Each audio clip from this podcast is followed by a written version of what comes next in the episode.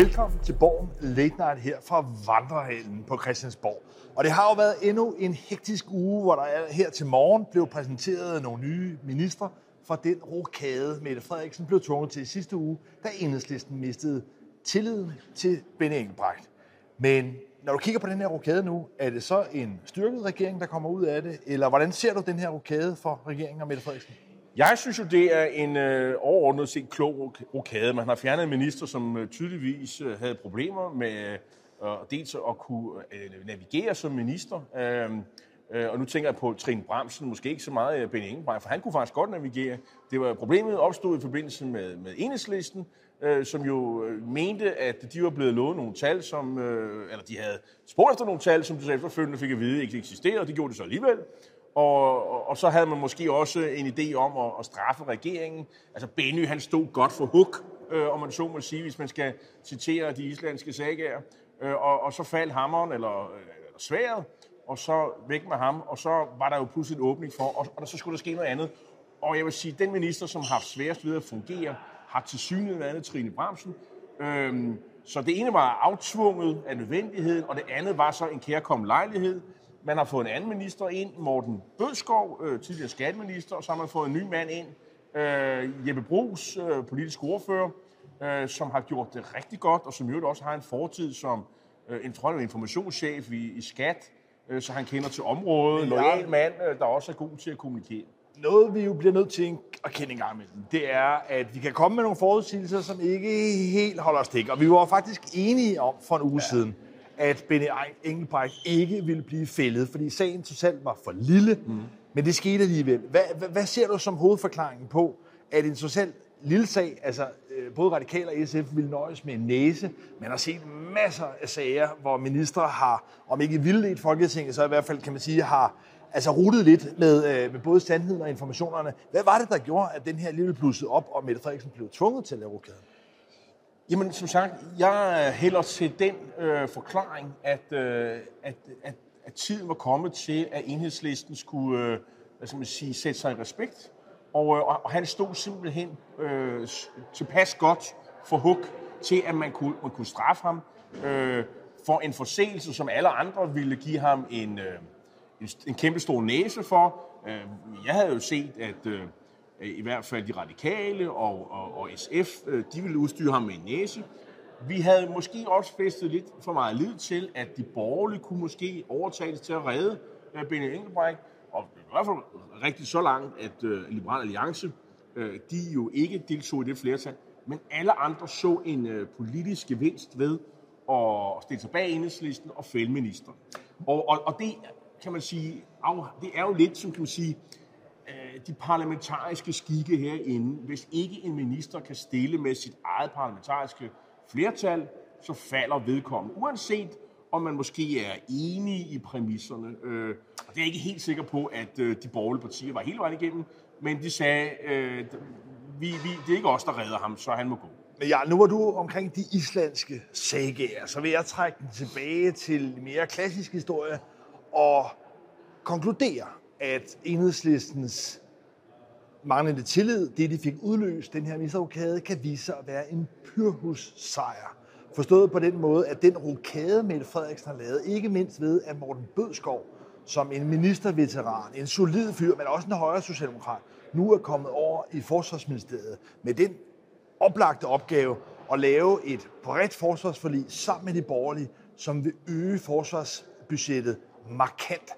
Man har i det udspil, der kom også i sidste uge med den udenrigspolitiske strategi, lagt op til, at man nu skal nærme sig de 2%. Og det er altså den opgave, Morten Bødskov kommer til at skulle stå i spidsen for. Og det kommer altså til at betyde, og det er jo dengang...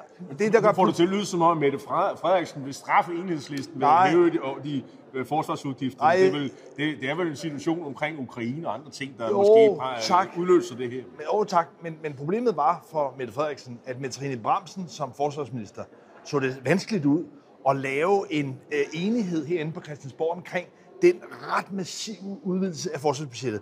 Det får Morten Bødskov enormt meget lettere ved, og der konstaterer jeg bare, at effekten af det her bliver altså, tror jeg, i modstrid med enhedslisten ønsker, at forsvarsbudgettet nu kommer til at blive øget markant. Og det er nogle gange sådan, at pengene altså, er jo ikke nogen, der vokser på træerne.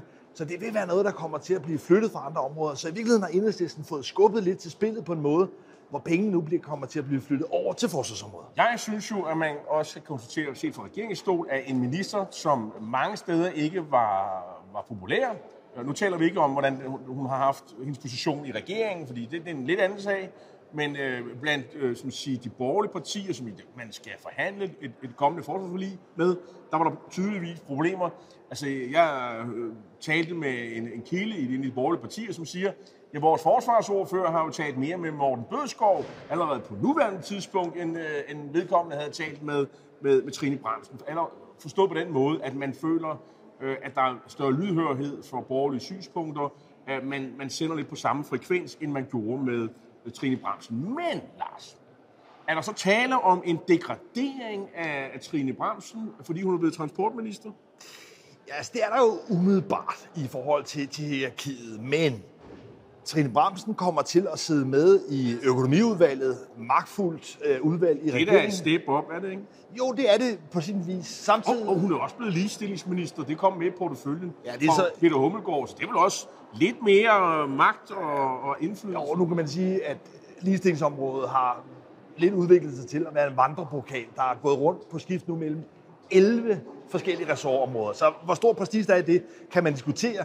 Men Mette Frederiksen har tydeligvis i hvert fald ikke ønsket at sende signal om, at hun degraderede Trine Bramsen, som har været en meget lojal partisoldat for Mette Frederiksen. Hvad betyder det, vil ikke sende et signal? Hun har vel nærmest sagt et signal om, at at øh, jeg er fuldstændig uenig i enhedslistens vurdering af Trine Bramsens ah, hun har... minister, øh, ministertid. Øh, nu skal jeg høre her, nu gør jeg noget andet for ligesom at demonstrere, at jeg er fuldstændig uenig med det der, og vi står bag Trine Bramsen, og hun skal have en chance til. Og, øh, og se for, for min stol, så var det en, en fyring, jeg er helt uenig i, og, og, og nu, nu passer vi godt på Trine. Og sådan går det, når man jo er lojal over for mig. Øh, så, så, så tager vi hånd om, om de minister, som, ja. som, som kommer til at og, og, hvad hedder det, have, have et problem. Og der var jo ikke mistillid til Trine Bramsen. Nej, det er rigtigt, var der ikke. Så på den måde er det jo et aktivt valg, Mette Frederiksen træffer om at rokere rundt. Og på den Men, måde er det jo en omplacering Men, og en erkendelse af, at Trine Bramsen havde skabt nogle problemer på forsvarsområdet, som var vanskelige det er selvfølgelig rigtigt, der var ikke mistillid, men hun havde, skal man sige, mange problemer, og hun udsat for meget stor kritik. Og øh, der er jo en grund til, at hun blev flyttet. Og, øh, og den grund er vel, at hun ikke fungerede. Ja. Så og på den måde kan du sige, at der var ikke udtalt mistillid i det parlamentariske grundlag, men hun havde svært med at fungere. Det var den, på, på den måde, at øh, jeg mente, at øh, der var mistillid. Men øh, det er jo ikke mistillid på den anden måde. Men nu har Mette Frederiksen så sat et nyt hold, om man vil, og hun har dermed også markeret, at hun ikke, i hvert fald i de kommende mange måneder, vil lave andre rokader. Så eksempelvis en udlændingeminister, Mathias Tesfaye, som ret højlydt har sendt en ansøgning om at komme over på nogle andre områder. Ja, han blev altså ikke øh, honoreret, og jeg tror, man skal se det her som det ministerhold, som Mette Frederiksen nu har tænkt at køre i lang tid. Og spørgsmålet er her, om det jo i virkeligheden er en besætning, som hun har tænkt sig at stå til søs med i en valgkamp. Men lad os lige først tage meningsmålingerne, for der begynder at være nogle spændende, der er en ny gallopmåling i dag. Hvor er egentlig balancen, magtbalancen, når vi kigger på meningsmålingerne mellem blokkene lige nu, Jan? Jamen altså, øh, øh, vi har jo set en situation før jul, hvor at, øh, der var jo øh, øh, flere målinger, der viste sådan nærmest en dødt løb, men der er vi jo slet ikke nu. Nu viser det sig jo så, at de, at de røde sådan set er, er foran de blå, men øh, når man kigger sådan på, hvordan går det så med regeringspartiet, så er det jo meget i at øh, i den ene måling, vi lader mærke til den her uge, det er jo voksmetermåling, kommer hver uge, der ligger man faktisk øh, et par procent under valgresultatet. Gallup en procent højere, ligger man statistisk usikkerhed ind, så ligger man sådan nogenlunde omkring øh, øh, valgresultatet, måske lidt under, under alle omstændigheder, normalt ikke en situation at sige, nu er kaninen fuld fed, nu trykker vi på knappen, så skal det nok gå alt sammen. Øh, altså, røde blok er jo ikke så meget foran, at det ikke kan indhentes ved et valg. Øh, jeg tror, de er foran omkring en 5-6 procentpoint. Det kan godt uh, hentes ind i en, i en valgkamp. Så umiddelbart vil jeg sige, øh, der er meget, der tyder på, at, at, at, at altså, hun kan ikke være sikker på at vinde, til trods for, at man fører meningsmålingerne. Og det ser ikke godt ud for Socialdemokratiet. Men valgrummen er ikke desto mindre begyndt herinde på Christiansborg. Der er et par af vores kolleger, som allerede har været ude og bebudet et forårsvalg, altså hen i en april-maj. Måske ret altså snedet lige før, at Mink-kommissionen kommer med deres beretning. Men altså lige tage den. Hvor står du? Altså er der nu en bevægelse, både i meningsmålinger i den politiske dynamik herinde, som gør, at det vil være opportun for Mette Frederiksen at satse på et forsvar? Jeg synes, der er argumenter for og imod. Øhm, et af de argumenter, som, som man har øh, fremhævet, det er jo, at når nu regeringen får vedtaget hele den her reformpakke øh, med, de, med de her dagpengestigninger, øh, så kan de jo ikke træde i kraft, med mindre at øh, der har været valg. Og så kan øh, statsministeren sige, at de borgerlige, de nøler, de vil ikke være med til det her. Nu har vi vedtaget det hele, men der skal være et valg, for det det kan træde i, i, i, i, i kraft. Så ved hvad venner, stem på Socialdemokratiet, så får I øh, højere dagpenge. Og så kan man øh, på den måde øh, sætte det i værk. Det, det, det var en oplagt mulighed, og man kan også sige, at de borgerlige vil ikke noget. Øh, nu renser vi luften. Øh, man kan finde på alle mulige øh, øh grunde, men der er i hvert fald et oplagt skal man sige, valgoplæg for Socialdemokratiet. Det, der til gengæld taler imod, det er netop, at Socialdemokratiet står svagt. Og det er klart, at det kommer man an på, hvad man måler valgresultatet fra sidste valg i 2019 er selvfølgelig det mest oplagte, men i mellemliggende periode har Socialdemokratiet i under coronakrisen været op på også måske nogle kunstigt høje øh, målinger. Men det dyk, der er, har også på en eller anden måde sat sig lidt psykologisk. Og det er jo selvfølgelig også noget, der spiller ind. Hvis Mette Frederiksen fremtænker et valg nu, så vil det for det første komme til at handle i høj grad om Mink-kommissionen. Altså hvis hun timer det i forhold til, at det skal være lige før Mink-kommissionen, så tror jeg, at en hver person med gang herinde vil vide, at de borgerlige partier vil køre kampagne på det. Og så er der altså den ret afgørende faktor, at Socialdemokratiet risikerer at synke i antallet af mandater og blive endnu mere afhængig af deres støttepartier. Der er radikalt i hvert fald en position, de begynder at krybe, krybe op i meningsmålingerne, vil kunne stå i styrkeposition. Så det kan godt være, at Mette Frederiksen vil kunne genvinde magten, og det kan også godt være, at det vil blive vurderet til at være et bedre tidspunkt som mange andre. Men det er godt nok en svag position for Socialdemokratiet. Så derfor tvivler jeg altså lidt på, med de ting, der er nu, at det vil være det bedste tidspunkt. Jeg er ikke helt overbevist om, at øh, der ikke kommer en øh, rokade senere på, på efteråret, men, eller foråret. Men hvis den skal komme, så skal den komme i foråret, så en nye minister kan sætte sig ind. Jeg, jeg, jeg kan faktisk godt forestille mig en omkalfatring, der er mere omfattende, hvor hun har mere ro til det. Men, men lad os nu se. Jeg hælder dog stadigvæk til, at valget kommer til næste år i vinter, øh, foråret, øh, fordi det, det tror jeg, at, at hun har en plan for. Men hvis det er sådan, at øh, de borgerlige ikke er til at lave noget med, øh, for eksempel noget sundhedsreform, der ikke rigtig kommer til at du, hvis de borgerlige på en eller anden led øh, altså simpelthen øh, gør det svært for hende at, at, at, at få de her vigtige ting igennem, og at venstrefløjen måske også øh, fornemmer, at øh, de står så bedre ved at, at stille måske nogle øh, lidt for høje krav til, at, at, at det bliver for svært for Mette Frederiksen øh, at, at, at få det igennem øh, og, og lægge ansigt og mandater og ikke med regering til de, til de ting, som, som Venstrefløjen vil, jamen så kan vi godt stå i den situation. Men er vi der endnu? Nej. Jeg tror, at regeringen vil fortsætte med at få de ting vedtaget, som de vil, og, og der ligger også et forsvarsforlig blandt andet. Så jeg, jeg er nok stadig på det hold og siger, at valget kommer til næste år. Jeg tror i hvert fald, hvis jeg skal give et hint om, hvad der skal ske, før man overhovedet begynder at tænke i valg, det er, at regeringen arbejder lige nu på at fremlægge det, der hedder en 2030-plan, som ligesom er en økonomisk plan for de næste mange år. Og der er en overvejelse, man gør sig lige nu over i Finansministeriet. Det er, og det lyder måske teknisk, men det er afgørende det her, det er at rykke det tidspunkt, hvor der skal være strukturel balance på de offentlige finanser fra 2025, som altså er vilkåret nu, og så måske nogle år frem, måske helt frem til 2030. Hvis man gør det... Så får man så, nogle flere penge? Det er sådan lidt et prokuratorknep, men hvis man rykker det her punkt, eller tidspunkt for strukturel balance frem til 2030, så vil man få i den næste valgperiode herlig mange milliarder, både så til forsvaret, man... til klimaet, til det demografiske træk, alle mulige ting. Så jeg, der kan ligge mange gode valgløfter der. Om præcis. Udvide så jeg tror i hvert fald, at man behøver ikke at, øh, hverken for de borgerlige partier eller andre, at sove med støvlerne på, fordi før den her 2030-plan kommer, hvor regeringen altså muligvis laver et lille det er helt efter bogen, for så vidt at gøre det. Det er politik.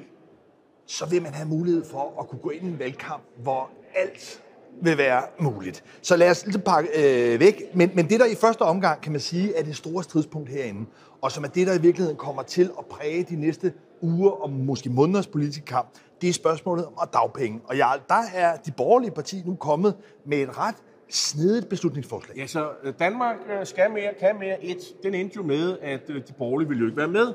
Men der var jo en hel del, skal man sige, del i den her pakke, som man jo så ved gennemføre med, med Dansk Folkeparti og så de røde partier, der omhandlede arbejdsmarkeds reformer, altså arbejdsudbudsreformer, sådan noget med at skære ned på dimittenssats, tilskynde de unge mennesker til at arbejde lidt mere, også hvis de var nogle uddannelse, det her med ægtefælles der fik, der fik, der fik en, en dumbøde, hvis nu øh, den anden ægtefælle, hvis man var på pension, og så ægtefællen gik på arbejde, så fik de en dumbøde, det har man afskaffet.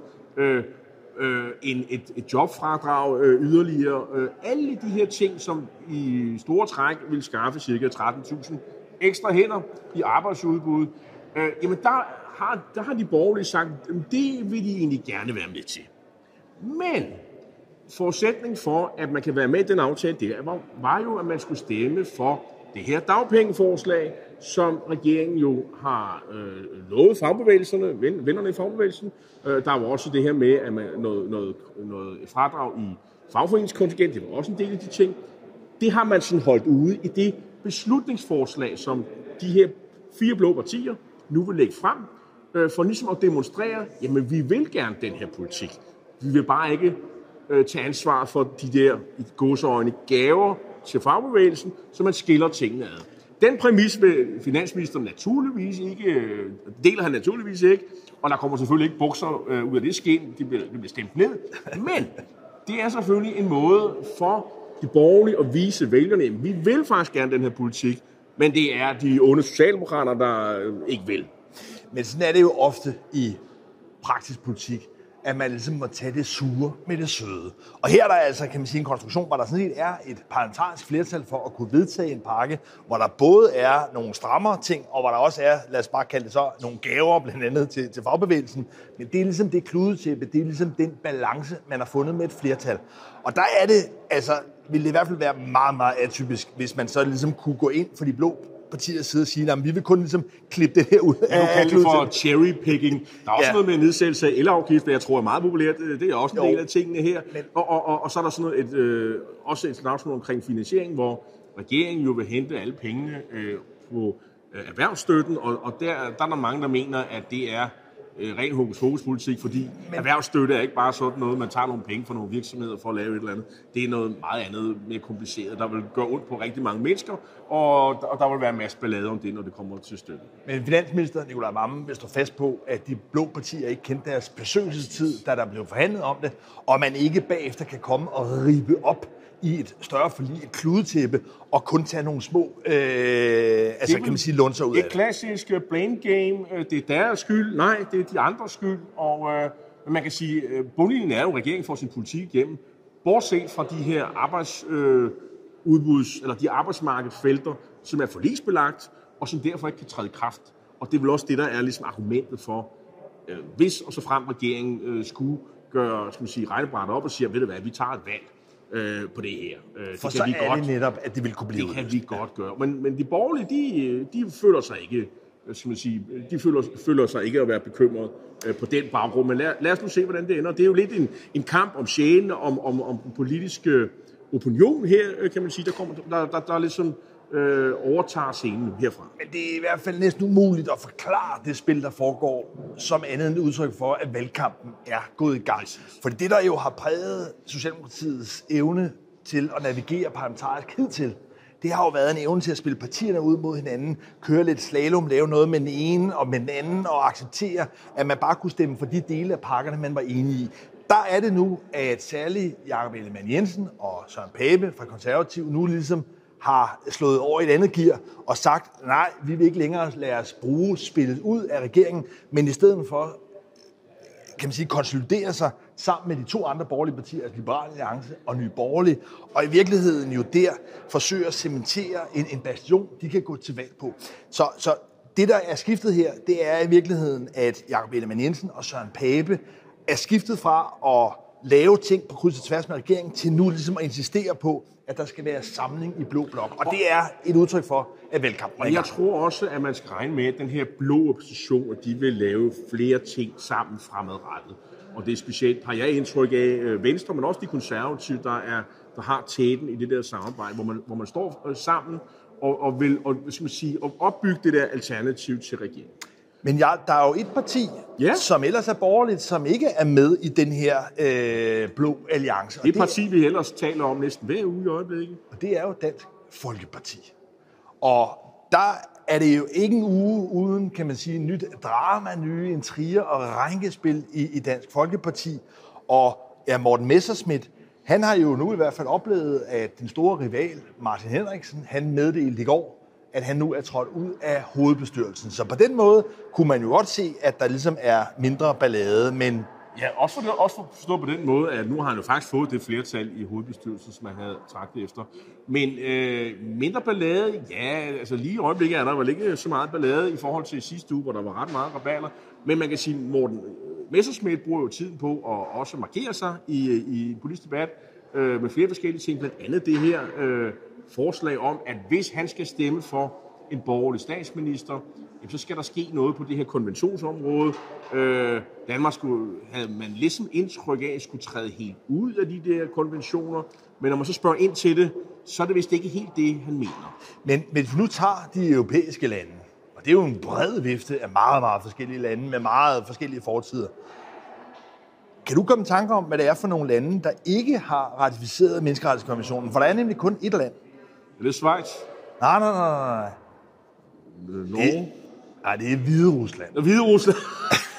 Eller Belarus. Der var, Belarus. Jeg, der var jeg slet ikke. Ja, nej, Nå, okay. Belarus, som det nu Nej, okay. øh, officielt hedder. Jamen, det, så, er, så, så det, det er der også et land, man kan trække det Så det, der ligesom ligger, kan man sige, i det forslag, der kommer fra uh, Morten Messerschmidt, det er i virkeligheden, at Danmark nu ligesom skal gå i en alliance med Belarus. Ja, hvorfor ikke? Og det helt absurde lille twist i det forslag, det er, at når Morten Messerschmidt sag skal gå om, han blev jo dømt ved byretten, men senere blev dommeren så erkendt øh, habil, eller i hvert fald sat spørgsmålstegn ved, om han havde været, havde været habil.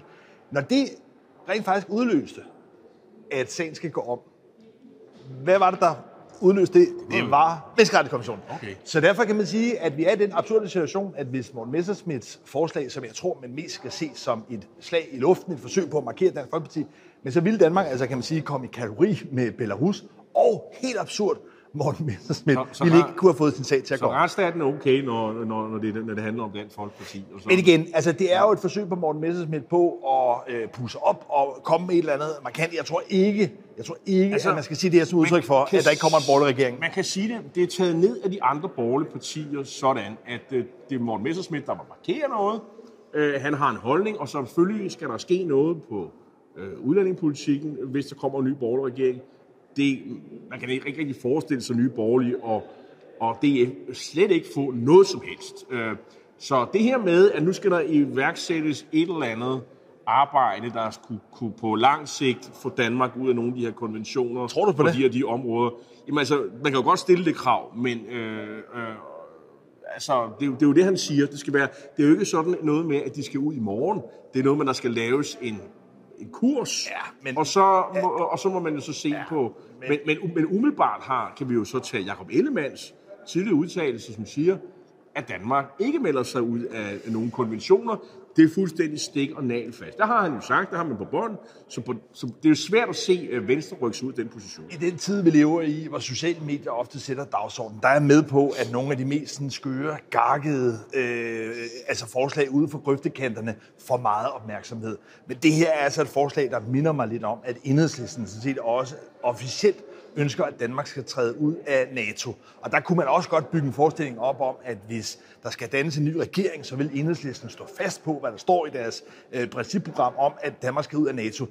Det kommer nok ikke til at ske. Det er ikke sådan, så, Men- at, at, at, at Mette Frederiksen ikke ville blive statsminister på grund af enhedslisten krav om, at Danmark skal træde ud af NATO. Og på samme måde er det her altså også lidt et gøjlerforslag, som ganske vist skaber virak Men- og opmærksomhed, men det er ikke noget, der har nogen reelt politisk betydning. Men et eller andet skal øh, Dansk Folkeparti og Nye Borgerlige jo have, og det er jo også, altså, selvfølgelig er det en markering af synspunkt, men øh, der kan jo siges og gøres meget i en valgkamp. Så jeg tror ikke, det er sidste gang, vi hører Morten Messerschmidt snakke om øh, menneskerettighedskonventioner, som han mener, at Danmark på en eller anden led skal løsnes fra. Øh, Men- og, og, og, og, og, og, og hvis det er en forudsætning for, at de kan få en borgerlig regering, altså, øh, det er jo et forsøg at puste sig selv op og sin, og, og, sin, og sin indflydelse, men spørger du mig, melder Danmark sig ud af nogen menneskerettighedskonvention? Øh, er, det, er det, som Søren Pind skrev, det her er et farvel til en blå regering? Nej, det tror jeg ikke. Og det man også skal huske i hele det her komplicerede spil, det er, at der er altså også to midterpartier, nye midterpartier, om man vil. Både kristendemokraterne, som nu sidder herinde med Jens Rode, og Moderaterne, som også sidder herinde i Folketinget med Lars Lykke som jo nok også kan få nogle ret afgørende mandater. Jeg kan godt sige på forhånd, at hvis præmissen for at skulle lave en borgerlig regering skulle være, at Danmark ligesom skulle melde sig ud af, af menneskerettighedskonventioner, så tror jeg nu, at både kristendemokraterne og moderaterne nok vil støtte en anden form for samlingsregering over midten. Så på den måde, de her forslag, det kan godt være, at det virker spektakulært og hissigt og alt muligt, og det for folk altså, kan man sige, op at køre på sociale medier det er ikke noget, der kommer til at få en reelt politisk betydning, og det er i hvert fald også bare måske et råd videre frem mod den valgkamp, der er allerede i gang. Pas lidt på med at fare helt op i blikhuset også på sociale medier, når der kommer nogle forslag, som er meget, meget langt fra at have noget, der minder om et flertal. Det var det gode råd her fra Vandrehallen på Christiansborg fra Lars Seier Mogensen og Jan Kornova. Vi er tilbage igen i næste uge. Øh, det er vi faktisk ikke. Det er vi faktisk ikke. Fordi der er der øh, vinterferie, så på gensyn om præcis 14 dage.